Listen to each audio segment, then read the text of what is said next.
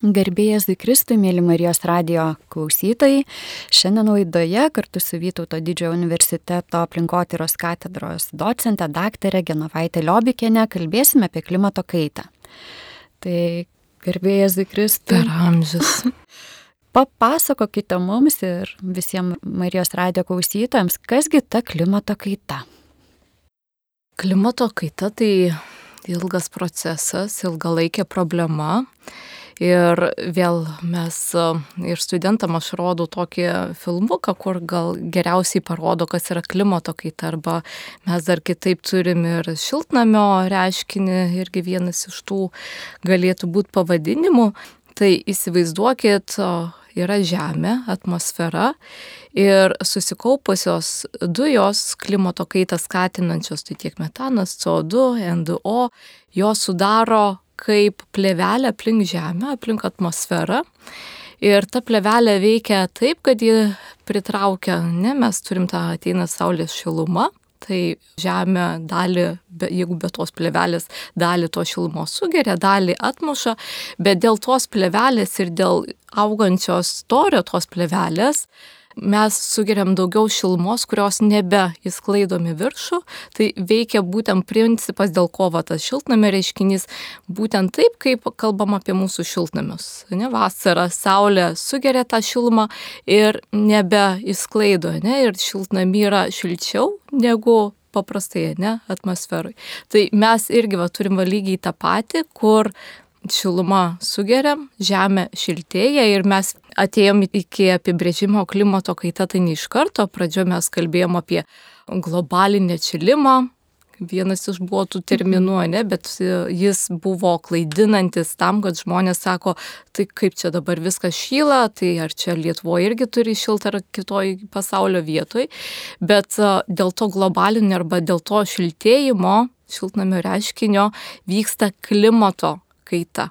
Ne dėl to, kad mes čia viskas šiltėja ir nebūtinai čia turi šiltėti, bet klimatas pats keičiasi dėl, dėl to, kad šiltėjantis klimatas turi įtakos pagrindę surovėms, vandeninų surovėms, kas ir nulėmė, kad tas klimatas keičiasi ir dabar mes jau nebenaudojam kaip globalinis atšilimas arba šiltnamio reiškinys, mes daugiau kalbam apie klimato kaitą, kas reiškia, ne kad klimatas keičiasi. Tai kaip sakau, tai yra ilgalaikis procesas, jis tikrai buvo visada, ne mes visada buvom tie, kur išmetam tas savo dujas, bet dabar va, tas sluoksnis jis didėja ir mes matom, kad ta problema kuo toliau, tuo jin patampa aktualesnė. O kasgi lemia tą klimato kaitą? Kas tai takoja? Kas sudaro tą mūsų plevelę aplink tą atmosferą, taip tos pagrindinės dujos CO2, metanas, NDO ir vėl kas tai lemia, tai kas teršia. Mhm, oro tarša, tai. ne? Tai vėl pažiūrėjau, kas labiausiai čia gal Lietuvoje, ne? Tai kas atsakingas, tai transporto sektorius, apie 33 procentus jis prisideda prie tų dujų žemės ūkio sektorius 22 procentai, energijos sektorius 28, pramonė 15 ir tos pačios atliekos 3 procentus, ne? Tai dėl ko, nes atliekų, ypatingai kurios išvažiuoja į savartyną, ten susidaro metanus, o metanas irgi yra vienas iš to CO2 arba klimato kaitą skatinančių dujų, priskiriamos tos dujos. Tai va šitie sektoriai labiausiai ir lemia jų tarša, tai kad ta klimato kaita arba tas bendrai šiltnamio reiškinys vyksta. Tai čia, ar teisingai suprantu, tai yra rodikliai Lietuvoje, ar ne? O jeigu žiūrėtumėm pasauliniu mastu, ar ne, ar jie yra panašus, ar labai skiriasi? Tendencijos, aišku, vėl čia priklauso nuo šalies, nuo jos, pavyzdžiui, jeigu žemės ūkis daug užima, tai logiška, kad žemės ūkis turės daugiau tos įtakos, kas Lietuvoje. Ne? Mhm. Mes irgi esam to žemės ūkio kraštas. Kitose šalyse, aišku, energetikos sektorius labai daug turi įtakos, nes energijos ar ką ten naudojam, ar, ar naudojam deginam tą pačią anglį, ar, ar naudojam kitas taršias kūro tos rušys, nes irgi priklauso, jeigu mes kalbam būtent apie energetikos sektorių, tai mes vis tik žiūrim, kokios kūro rūšis, kurios daugiausiai, nes vienos daugiau išmeta atsakingos už tą CO2 taršą, kitos mažiau, tai vėl priklauso ne nuo mes ką naudojam. Tai čia skirtingose šalyse skirtingai kaip ir nuo ekonomikos ten tų dalių, taip ir nuo ką mes naudojam, kokias rušis kūro. O gal žinote, na, yra galbūt apskaičiuota, kokios galimos pasiekmes klimato kaitos, na, žmonijai, žemiai apskritai? Daugiausiai, kai mes kalbam apie klimato kaitą, tai mes kalbam, kaip pirmą, nesakau, atšyla, atšyla žemė fiziškai mes to negalim pasakyti, ne, kad va dabar Lietuvoje vienu laipsniu nuo tada pakilo temperatūra, ne, nes, nu, kaip sakau, klimatas yra toks labai unikalus, net gali būti labai šilta, labai šalta, bet bendrai vienas iš tų problemų yra tai, kad Žemė šyla, tai net yra duomenys nuo XIX amžiaus pabaigos, klimatas atšilo 1,18 laipsnių. Tai mes turim kaip tas ribas, kai ir sako, iki dviejų laipsnių yra riba, kada žemė gali atšilti. Jau daugiau mes turim tas jau katastrofiškas pasiekmes. Tai antras, tai kad tirpsta mūsų ledynai, Ir vėl tirpstantis ledynai irgi nas užfiksavo, kad nuo 93 metų iki 19 metų apie 279 e, milijardus tonų ledo ištirpo daugiau negu, negu prieš tai. Ne? Ir vėl, kaip mes kalbam apie tuos pačius ledynus arba apie tą pačią mūsų polius, ne, va ten yra pagrindiniai tie ledynai, tai kur yra problema, kad ne tik mes kalbam apie baltasias miškas, kad ten nyksta ir bio įvairovė irgi ten nyksta, tiesiog sunku tiem gyvūnam prisitaikyti prie šitokių pokyčių, bet iš kitos pusės, kai mes kalbam apie tuos polius, tai jie veikia kaip žemės kondicionieriai. Ir įsivaizduokit, kad tie kondicionieriai, jų jėga pradžioj mažėja ir po to galų gale išsijungia. Tai vėl, kaip yra šil, šilta vasaros diena, išjungkim kondicionierių name, tai name bus šilčiau negu, negu iš tikrųjų. Ja? Tai e, pavojus yra tai, kad jie tirpsta, bet pavojus yra tai, kad jie praranda ir tą funkciją atšaldyti žemę, kuri ir taip šyla. Kitas yra vėl dalykas, tai kad kyla jūros lygis. Ir irgi yra duomenų, kad jūros lygis čia per pastarai dešimtmetį išaugo 20 cm padidėjo. Ne? Tai aišku vėl, kai mes galvojam, kad, nu, kasmet ten, jeigu po centimetrą, nu, tai kas tas centimetras, tai ne? Tai nėra, kad čia jau dabar užlies mus iš karto tai yra ilgas procesas, bet vėl, kai kalbam apie jūros lygio augimą, kas ir lemia, kad tie patys ir mm, ledynai tirpsta ir tas didina tą vandens kiekį, bet mm, problema yra ta, kad mm, čia gal Lietuvoje mes turim Klaipėdą, tai vis tiek tai nėra didžiausias Lietuvos miestas Klaipėda, bet dažniausiai istoriškai susidaro taip, kad prie va, būtent tų vandenynų arba prie jūrų yra didžiausia populacijos dalis. Ne, nu, ten Kyotas, um, Kinija, ten irgi turi nedaug tų miestų, New Yorkas, tas pats yra prie mhm. vandenino ir kaip didėja vandens lygis ir dabar mokslininkai analizuojantis ir kalbantis ne apie klimato kaitos valdymą, bet prisitaikymą prie jo, tai vienas irgi yra iš tų projektų arba pasiūlymų, kaip va tiem žmonėm augant vandens lygiui, kaip prisitaikyti prie šito, nu galų gale mes, nu neiškraustysim jų kažkur, ne, tai ar ten dėta ir tas namų konstrukcijas kažkaip keisti. Nu, žodžiu, tai čia dar vienas iš tų pasiekmių. Ir aišku, gal labiausiai matomos pasiekmes, kai mes kalbam apie tą klimato kaitą, tai yra tie patys e, ekstremumai arba tos oro pokyčiai labai dideli, labai dažnos sausros, ką mes pastebim, kuo toliau, tuo dažniau, ne vis šią vasarą vis sausra ten, sausra ten, o potviniai. Čekijoje buvo labai didelis potvinis, o iš tikrųjų tai net mokslininkus stebino, kad Čekija nėra ta valstybė, kur, kur turėtų būti, net tie pokyčiai labai aštrus, kaip ir Lietuvoje mes kartais, aš juokauju studentam, kad mes gyvenam kaip tikrai Marijos žemė, kur mes neturim tokių nei didelių labai sausrų, nei labai didelių potvinių, kur čia viską plauna, ne ką mhm. mes matom per televizorių, nei labai didelių uraganų, kur ten viską nušluoja, kas ką kitos šalis patiria. Tai čia toks ryškiausiai, ne, gal matantis. Ir vėl, kaip mes kalbam apie tą pačią temperatūrą, kur, nusakom, klimato kaita, globalinis atšilimas, tai kaip ta žemė čia šyla, ar mes, bet iš tikrųjų yra parodyta, ne, ir mes tikriausiai neretai jau išgirstam patys karščiausi metai, pa, pati šilčiausia žiema, suvedus vidurkį, ne, su tuo, kas buvo šalta, šilta. Tai, o, pavyzdžiui, 16 ir 20 metai buvo rekordiškai karšti, palyginus su visų stebėjimo laikotarpiu.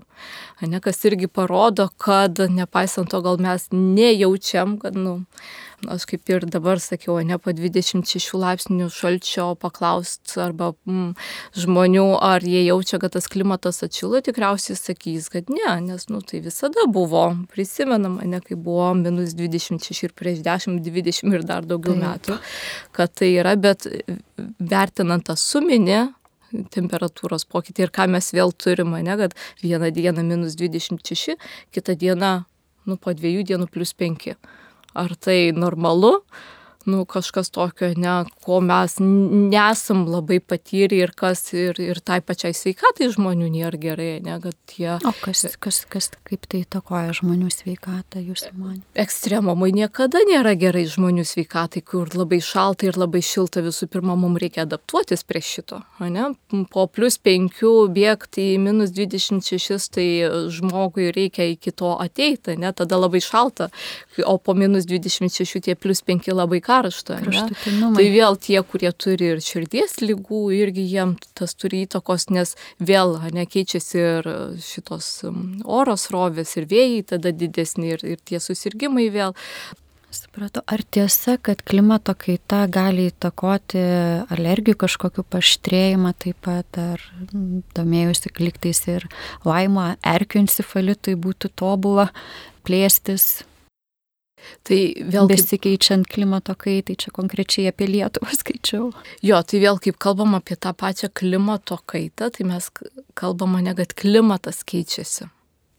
Ką tai reiškia, klimatas keičiasi, kaip ir aš irgi juokauju, sakau, per kalėdas dažniausiai jau yra jo šlapios, Velykos dažniausiai jau nedažnai, bet vis tiek susnieguoja, ne, kas mums nėra įprasta, ne, kas, kas rodo, kad klimatas keičiasi.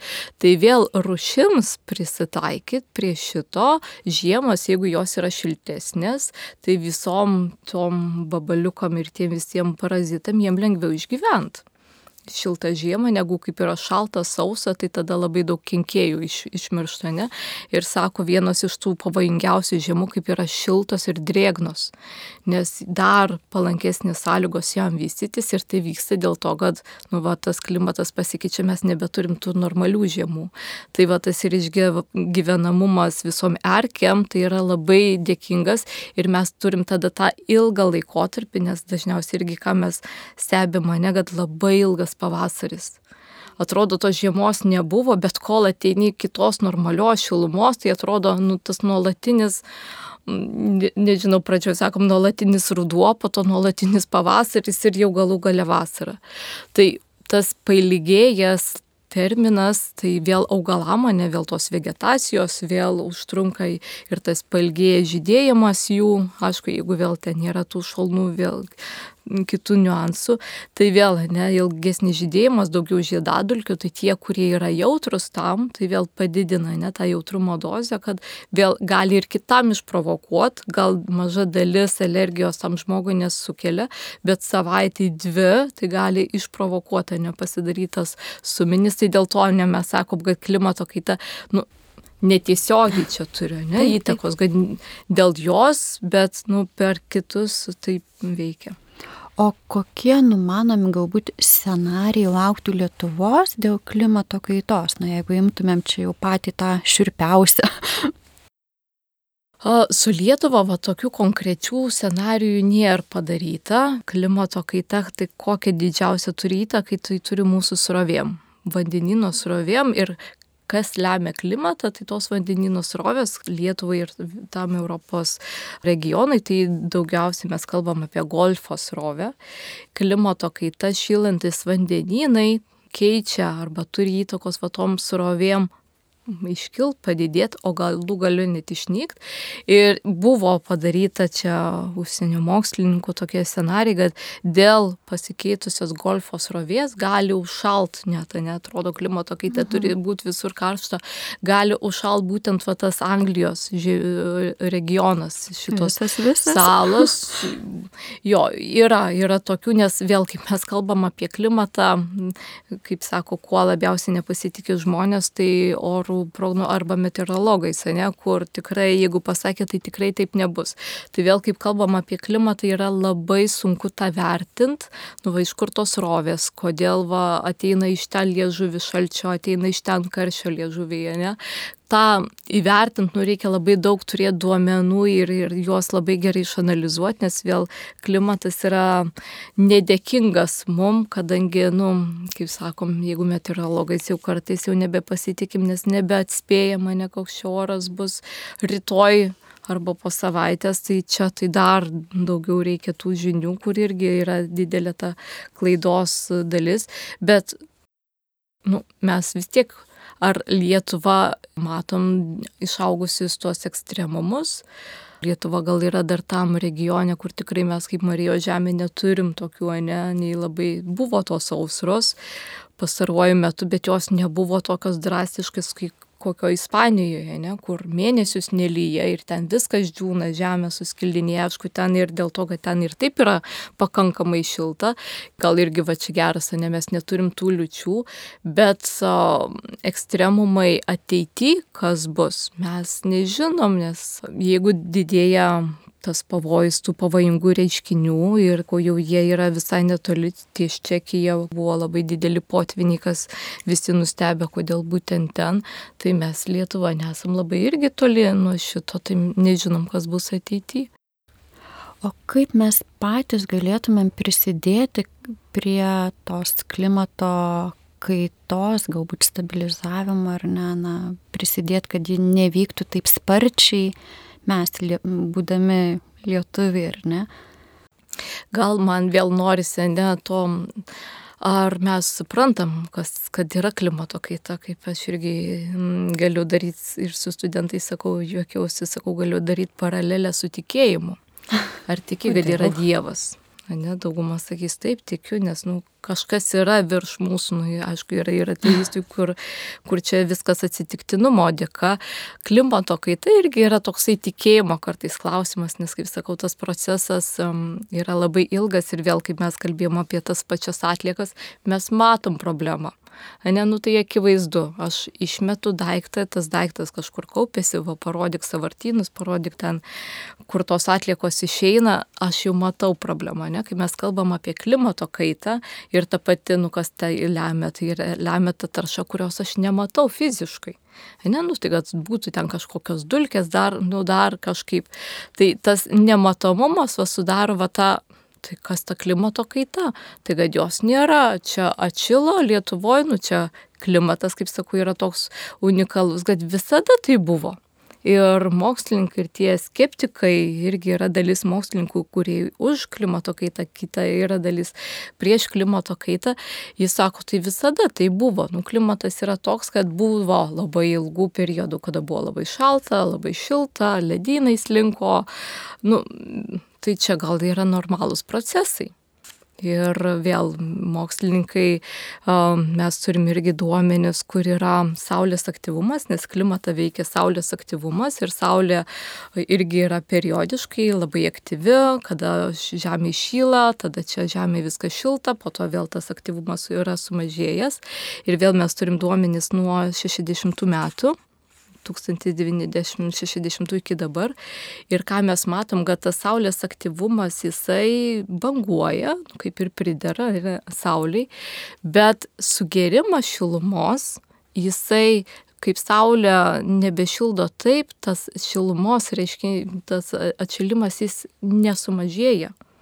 Tas šilumos sugerimas jis ir toliau išlieka aukštas šiltnamio efektas, ne šiltnamis, ką tai reiškia, nepaisant to, kad saulė nešildo vakarais arba naktim, mhm. o šiltnami vis tiek bus šilčiau. Ne, dėl, dėl šito, va, būtent dėl tos plevelės, ką ir sudaro tą CO2 taršą.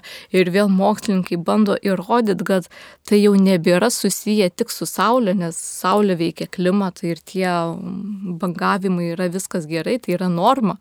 Bet dabar mes jau išeinam iš tos normos ribų kad Žemė, nepaisant to, kad ir Saulės aktyvumui sumažėjus, ji ir toliau išlieka šilta ir dar šiltėja.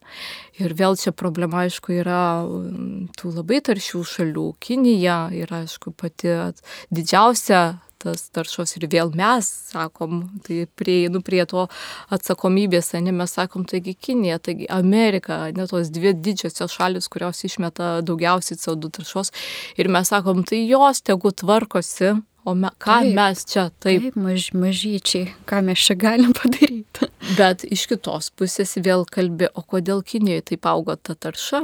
Nes labai Kinija, kaip mes irgi pavadinom taip ją gražiai, vaizdingai, jinai yra pasaulio fabrikas. Tas fabrikas, kuris pamaitina visą žemyną ne žemyną, visą planetą ir mes, ne kiek Made in China pagaminta, Kinija pagaminta, net nežinau, čia kokiu, kur be nueisi, viskas yra beveik Kinijoje gaminta, ne, tai ką reiškia, kad aš vėl per savo vartojimą, aš skatinu gamybą ten ir skatinu tą taršią gamybą, nes Kinė vėl yra ta šalis, kur, sako, mes turim pasiekti tam tikrą ekonomikos lygį, kada pradedam galvoti apie aplinkosaugą, nes apie aplinkosaugą nėra populiaru kalbėti. O kodėl? Nes, nes tai yra, ji kainuoja, o mokėtų už tai, ko tu nematai, kas tavęs neliečia, pasaulis nesugriuvo iki tol, nu tai gal ir aš pragyvensiu, o vaikai jau kažkaip gal sugalvos, kaip čia jiem gyventi, nu prisitaikys. Nu, visi mes galvojame, ne, kad kažkaip prisitaikysim, prie, priprasim prie to, kadangi tai kainuoja ir tai lengviausiai nuimt pinigus arba nekreipti į tą aplinkosaugą, dar didint gamybą ir tą taršią gamybą, iki to, kol pasieksim, nes aplinkosauga tai yra prabangos prekė arba turtingos šalis, ne jos daug kalba apie aplinkosaugą. Besivystančiam šalim, tai jom koks skirtumas, joms svarbu išgyventi šiandien, turit maisto pakankamai, kad, o po to jau kaip ta gamta, kaip prisitaikyti, tai jau čia jau kiti klausimai. Tai turbūt reiktų pradėti nuo savęs mažinant tą materializmą, ar ne, ir kaip minite, kad keisti daryti tai, ką sakau, ką matau ir ką darau, tas kažkokia sintezė turėtų būti turbūt. Jo, pagrindė nuo vartojimo, nes mes vartotojai vėl, kai mes kalbam apie tą pačią klimato kaitą ir iš elgsenos pusės, tai labai daug elgsenų apima klimato kaitą. Ne, pradžioj mes galim kalbėti apie tiesioginę įtaką klimato kaitai, tai tiesioginis būtų vėl tas pats elektros vartojimas, šildymas, ką aš kaip žmogus darau va tiesiogiai, ne, šildausi, dūmai eina ir va, susidaro arba važiuoju su mašina, išmeta dujas ir va, aš prisidedu prie tos klimato kaitos. Tai čia būtų tie du sektoriai pagrindiniai. Žiūrint į Lietuvą, tai mes turim neigiamus rezultatus, tai kad Lietuvoje pavyzdžiui, transporto sektoriaus išmetamas CO2 kiekis išaugo daugiausiai lyginant su visa Europos Sąjunga. O kodėl? Nes mes turim labai seną automobilių parką, vis dar dizelinas pats taršiausias, jis yra plačiausiai naudojamas, nepaisant, kad akcizas auga dizelinui, norėdami vartotojai kažkaip priversti, ne, keisti transporto kurą, tai vėl, bet nepaisant to mes jį vis dar daug naudojam, nes vis tiek atsiperka, mes žmonės žiūrim į tą atsipirkimą, o vėl viešasis transportas Lietuvoje yra labai neišplėtotas ir kalbant apie tos pačius didžiuosius miestus, ne, vėl mes klausiam žmonių, kaip dažnai jie naudoja viešai transportą, tai tas yra labai žemas lygis palyginus su kitom šalim, kur tikriausiai nuvažiuotumėm į Daniją, tai ten iš viso su mašinom net neapsimoka, ne po miestus važinėti, nes ir nėra kur parkuotis arba labai didelės kainos ir visi renkasi dviračius, metro ir, ir viešai transportą, kas Lietuvoje yra nepatogu, per ilgą, stotelių nėra, labai toli eiti, labai ilgai laukti. Perinam prie to, kad vėl mes studentų klausim apie, o tai tie, kurie naudojasi viešuoju transportu, kaip manot, jų, nu, ar jie yra populiarūs, ne? Nu, kas galėtų populiarinti? Nu, va, sako, jeigu populiarūs žmonės naudotųsi viešuoju transportu, nes um, autorite, bet ir populiarumas Jeigu aš a, sakau, kad aš naudojuosi viešuoju transportu, tai ką tai reiškia? Aš negaliu nusipirkti mašinos, vadinasi, mano pajamos mažos, tai rodo mano žemą statusą. Ir Lietuvoje tas yra labai gaju, kad tie žmonės, kurie naudojasi viešuoju transportu, jie turi kažkokius, tai nu jų statusas yra žemesnis negu kiekvienas žmogus, ne ką mes matom mokyklose, ne kiek vaikų atvažiuoja su savo mašinom. Kodėl? Nu tam, kad parodytų savo statusą, kad aš galiu tą padaryti. Ne, tai daugiau per status rodymo, o po to, kaip kalbam, žinai, vienas žmogus važiuoja, kiek išmeta CO2 taršos. Aš jau ilgai nebenaudoju mašinos, važinėju su viešuoju transportu arba jau Vyras vežioja, aišku, čia ir, ir ne dėl to, kad čia irgi darau dėl klimato kaitos, o irgi dėl to, kad man nepatinka važiuoti su mašina, bet iš kitos pusės vėl vienas irgi kolega, kur labai daug važinėja su viešuoju transportu ir net į Vilnių važinėja dirbti ir sakau, kaip tu, taigi kiek laiko tau susigaišta, bet sako, kaip gerai tam viešajam arba traukinį arba autobusė, kiek aš pasidarau dar dalykų aš ir į laiškus atrašau, aš ir um, ten, nežinau, čia, aš taip, pavyzdžiui, ir melžiuosi viešajam transportą, tai man yra laikas, nu, va savo, atrodo. Irgi, va to, va suprasta, ne, kad va aš laiką išvaistau, bet, nu, va tą irgi pakeis požiūrį, kad aš nešvaistau laiko, aš jį galiu kitaip panaudoti, ne, ką aš daryčiau, kur kažkur nuvažiavęs, ypatingai, kai mes dabar turim išmaniosius telefonus, internetas, tu gali atrašyti žinutės, tau nereikia kompiuterį įsitraukti ir, ir panašiai panašiai, tai va per viešąjį transportą populiarinti jį kažkaip. Ir po to, aišku, mes perinam prie to, kalbant ir apie elektrą arba šildymą, vėl irgi yra paradoksas, kad nepaisant to, kad žmonės sako, kad jie taupo elektrą, stengiasi tą daryti, bet elektros suvartojimas ir toliau auga ir man buvo net įdomu, mes su viena studentė analizavom karo periodą, nes karo pradžioje, ne, 22 metų žiemą buvo labai net politikai, ne kaip įspręsti ekonominę, e, energetinę krizę, kaip, ne, kad ir žmonės, nes tos kainos labai didelės, čia labai didelę dalį reikės atiduoti e, būtent už šildymą arba už elektros suvartojimą, tai taupykim. Ne, ir buvo labai daug kalbama, ypatingai ir ten Vokietijos kanclerė, ne, vis pastoviai taupykim, taupykim ir mums buvo įdomu, nes ir mokslininkai sakė, nu pagaliau mes pamatysim gal taupimo elgsenos tavo pirmus žingsnius. Ir ką jūs manot, elektros vartojimas jis nesumažėjo, jis išaugo net. Čia, aišku, Lietuvą žiūrint. Ne, nepaisant to, kad mūsų sakė, taupykim, Bet mes, aišku, mes gavom subsidijas, padengė kažkokią dalį, žmonės vėl atsipalaidavo ir tos energijos, elektros kiekis išaugo ir vėl mes turim tą net mokslininkai pavadinimą, toks yra rikošeto reiškinys. O kas tai? Rikošeto reiškinys reiškia, kad nepaisant to, kad mes perkam jau energiją taupančius prietaisus, nes ir yra reglamentai, ne, jūs jau tikriausiai neberasit normalios lemputės, bus ten LED lemputės, bet nepaisant nepaisant to, kad mes naudojam ir, ir daug naudojam jau tuos energiją taupančius prietaisus, energijos vartojimas ir toliau auga. Ne, ką tai rodo, ne, kad vienas iš tų gamintojų arba iš tos pramonės arba iš tos pusės sako, kaip, nu, kaip sumažinti energijos vartojimą, tai o, padarykim tai, kad tie įrenginiai būtų efektyvesni. Nu, galva tai priversa, ne?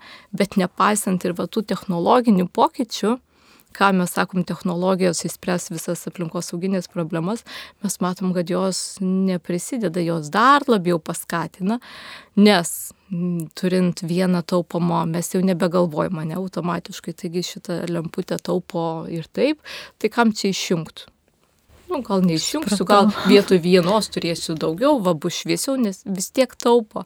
Ne, nu, tai veikia per psichologiją arba būna tai, kad čia būtų tiesioginis, ne netiesioginis, kad va tos sutaupytos išlaidos, jeigu mes kažkiek tai sutaupam, mes kitur išnaudojam. Nu, pavyzdžiui, jeigu aš sutaupau kūro naudojime, tai aš tuos sutaupytus pinigus, aš jau tada keliauju toliau skrendu su lėktuvu, kas dar didesnį poveikį daro. Ne?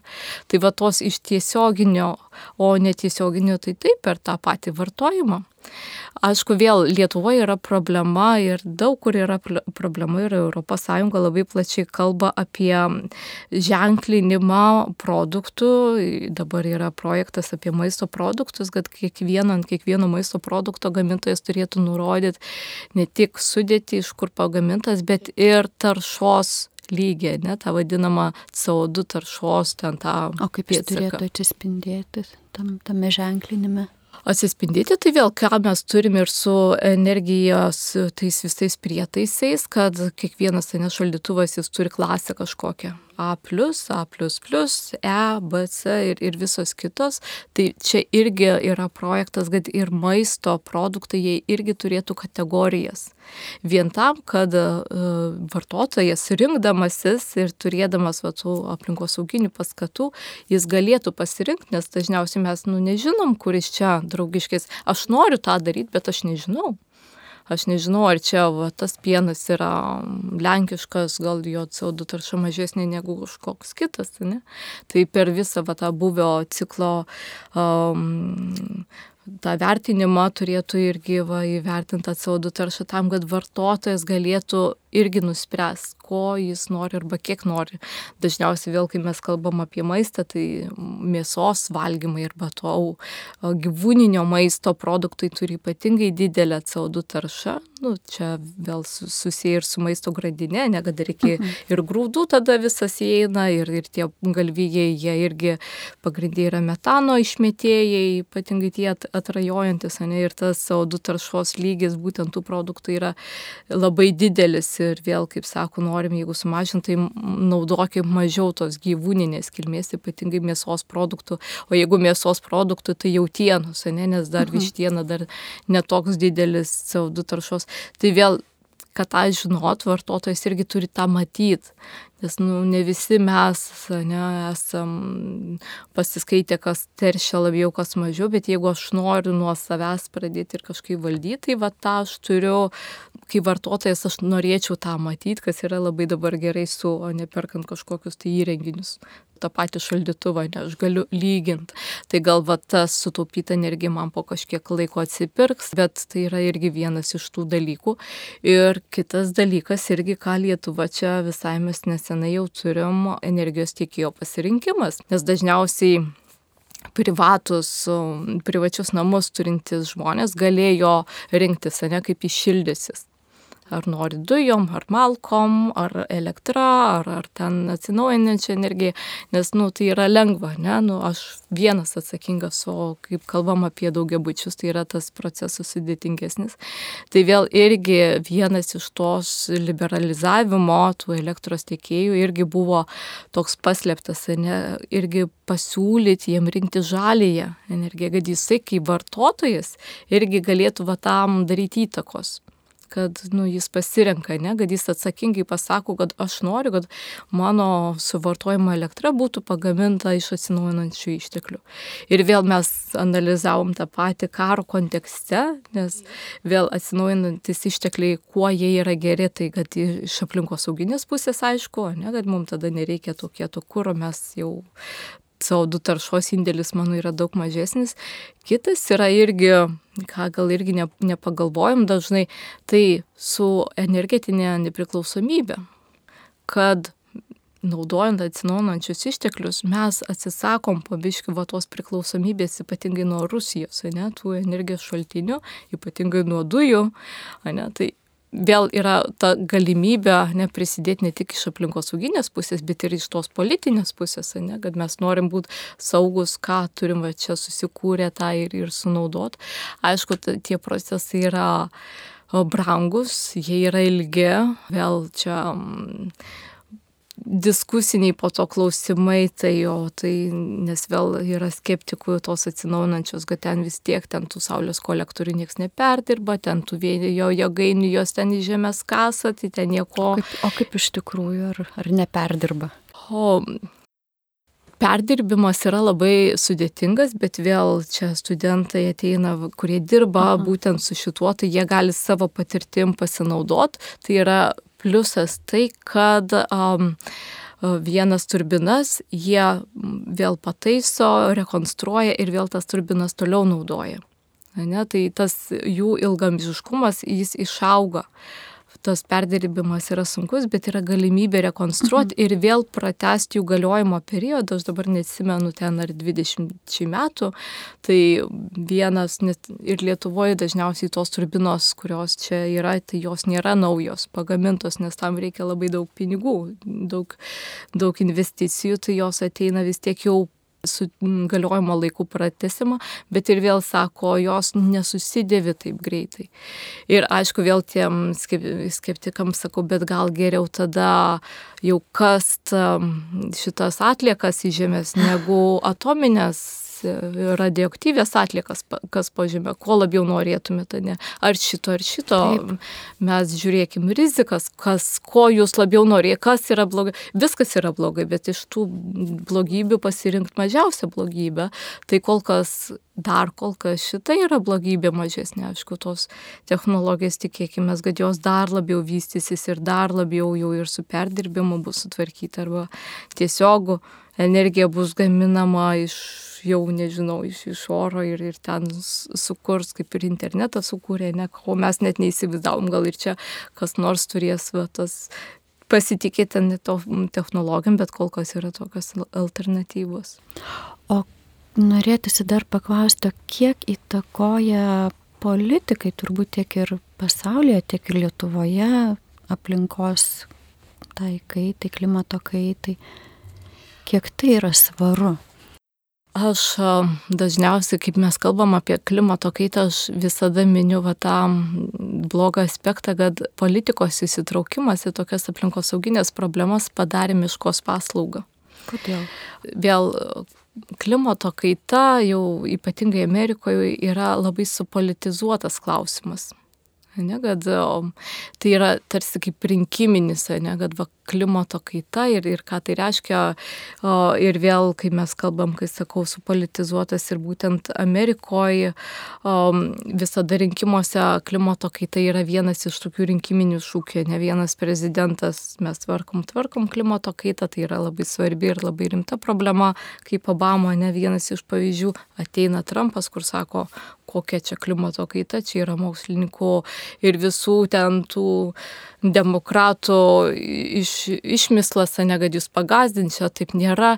Ir va šitas politizuotas klausimas, kuo mes pasitikime, ne, į ką mes žiūrim. Dažniausiai, kaip sako lyderija, ne, tai jo, jeigu protingas žmogus apie tai šneka, tai gal tikrai va nėra, ne, nes, kaip sakau, mes jos teori, nu, tiesiogiai mes jos nepastebime, ne, kad va, tikrai vyksta, va tikrai jau čia, jau jinai šalia. Tai va tas buvo, aš manau, kad vienas iš tų neigiamų, va būtent to skepticizmo, būtent tai, kad tas klausimas yra labai supolitizuotas. Bet iš kitos pusės, tai politikai tam turi labai daug įtakos, kaip kalbam apie tą klimato kaitą. Ir vėl, aišku, čia yra blogai, kad ta pati Amerika, ne, kur investicijos į atsinaujinančius šaltinius įvystimasi, bet tie, kurie vystytojai, jie žino, jeigu pasikeis politinė santvarka, vėl nieko negali būti. Tai vis tiek tai pramonė visai, jai reikia ilgalaikios perspektyvos, ne, kad mes nu, susitarkim visi, kad mes einam link to, ne. Tai va tas mėtymasis yra neigiamas ir, ir labai didelis neigiamas vystimas, nes ir tas vystimasis nėra užtikrintas ir labai greitas, nu, tos tendencingas. Vėl, ne, vystome atsinaujinančią energiją, o po to vėl visi grįžtam bumerangų į tą anglės deginimą, ne. Tai vėl tai ar mes jas uždarom, ar vėl kūrenam ir vėl kaip tą visą užkurt, vietoj to, kad žmonės perkvalifikuot ir, ir siūsti į tas kitas energijos resursus jų gamybą, mes vėl pasiliekam ties tuo, ne, kad, nu, vėl gal maža kas prireiks. Tai va tas nepastovumas yra neigiamas dalykas, bet vėl žiūrint į ES, tai ES nepaisant to, kad yra maža dar CO2 taršos išmetėja, vedant tą svertinį vidurkį visos ES mes visos tos 27 šalis mes neišmetam tiek taršos, kiek ta pati Kinija ir Amerika. Tai mums lengva kalbėti apie klimato kaitą vien tam, kad mes, nu, mes nesudarom čia labai didelės problemos, ne mums čia reikia dėti labai didelės investicijas į gamybos transformavimą. Aišku, vėl kitas tai Lietuva kaip ir ES mes turim tuos ambicingus planus ne, ir tikriausiai girdėjome apie tą patį Paryžiaus susitarimą. Gal pradžioj buvo Kyoto susitarimas, kur mes turėjom tam tikrus įsipareigojimus, po to Europą 2020 turėjom strategiją sumažinti 20 procentų, dabar turim Paryžiaus susitarimą iki 30 metų sumažinti 30 procentų ir turim tą 50 metų tikslą pereiti prie neutralaus CO2 taršos ekonomikos. Mes dažnai nebraižom tos kreivės, ne tos mūsų tikslus ir sakau, žiūrėkit, per tiek metų pasiek 20, per, nu gana ten ilgas metų tarpas, per 10 metų dar 10 procentų sumažinti, per dar trumpesnį sumažinti iki 30 ir po to galų gale pereiti. Sakau, kaip jums tie tikslai netrodo per daug ambicingi, nes pasiekti, va, tos kaip ir studentus irgi kalbam apie 20 metų tikslą tą Lietuvai, mums nieko net nereikėjo daryti, kad mes pasiektumėm klimato kaitos tikslą nes mes turim dėkingas turėjom sąlygas, nes lyginant dažniausiai CO2 taršą lyginam su 90 metais, o 90 metai Lietuvai buvo istoriniai metai, kada mes, ne, Sovietų sąjunga griuvo, o ten gamyba buvo labai tarši, tai vien va, tas transformacijos periodas mums padėjo sumažinti tą CO2 taršą, o dabar mes jau turim kažką daryti labai konkrečiai, kad ta tarša sumažėtų. Lietuvai dar ta tarša ilgą laiką augo ir buvo galimybės tos, kad mes dar galėjom, turėjom potencialo aukti, o dabar jau perinam prie to, kad tą CO2 taršą reikia sumažinti ir vėl kaip sumažinti, gamybą, energetinius išteklius, tam reikia labai daug investicijų visų pirma. Ir visų pirma mes žiūrim, kad nu, valdžia, valstybė turi tą daryti. Ir vėl, kaip mes turim tas papildomas problemas, kaip buvo energetinė krizė, tai vėl ką mes pamatėm, kad Europa, sakom, nu, gerai, mes gal perinam prie tų dar taršių, jeigu mes atsisakom Rusijos dujų, tai gal tada dar padeginam anglę, ne, kas dar didesnė turi problemas, bet vėl kodėl mes nevystom taip sparčiai atsinaujinančią energetiką, dabar Lietuvai, Lietuvoje yra bango šitas dalykas, bet vėl ne, tada su tinklais, su paskirstimu ir vėl mes turim daug kas ir nelabai nori šito, ir lobistai turi savo tą indėlį, ne kur sunkiai einasi tos programos, bet būkim optimistai. Taip, būkim optimistai ir linkėkime tiek politikams, tiek pačiam vartotojui turbūt pradėti apie tai mąstyti, kalbėti, įsisamoninti ir, kaip jūs ir sakote, daryti. Viskas prasideda taip, nuo darimo, nuo pasakymo, kad aš suprantu, kad tai yra svarbu, kad tai yra problema, Tai dėkoju už pasidalinimą turtingomis žiniomis su Marijos radio klausytojais, o Marijos radio klausytojams primenu, kad šiandien mm, su mumis buvo Vytauto didžiojo universiteto aplinkotyros katedros docentė daktarė Genovaitė Liobikinė. Prie ją kalbino savanorė Aistė Ivanovaitė Petraitinė. Dėkoju Jums. Ačiū Jums, klausytojams geros dienos ir vėl klimato kaita jinai vyksta ir jūsų dabar pasirinkimas, kaip jūs gyvensite toliau. Dėkoju. Viso gero.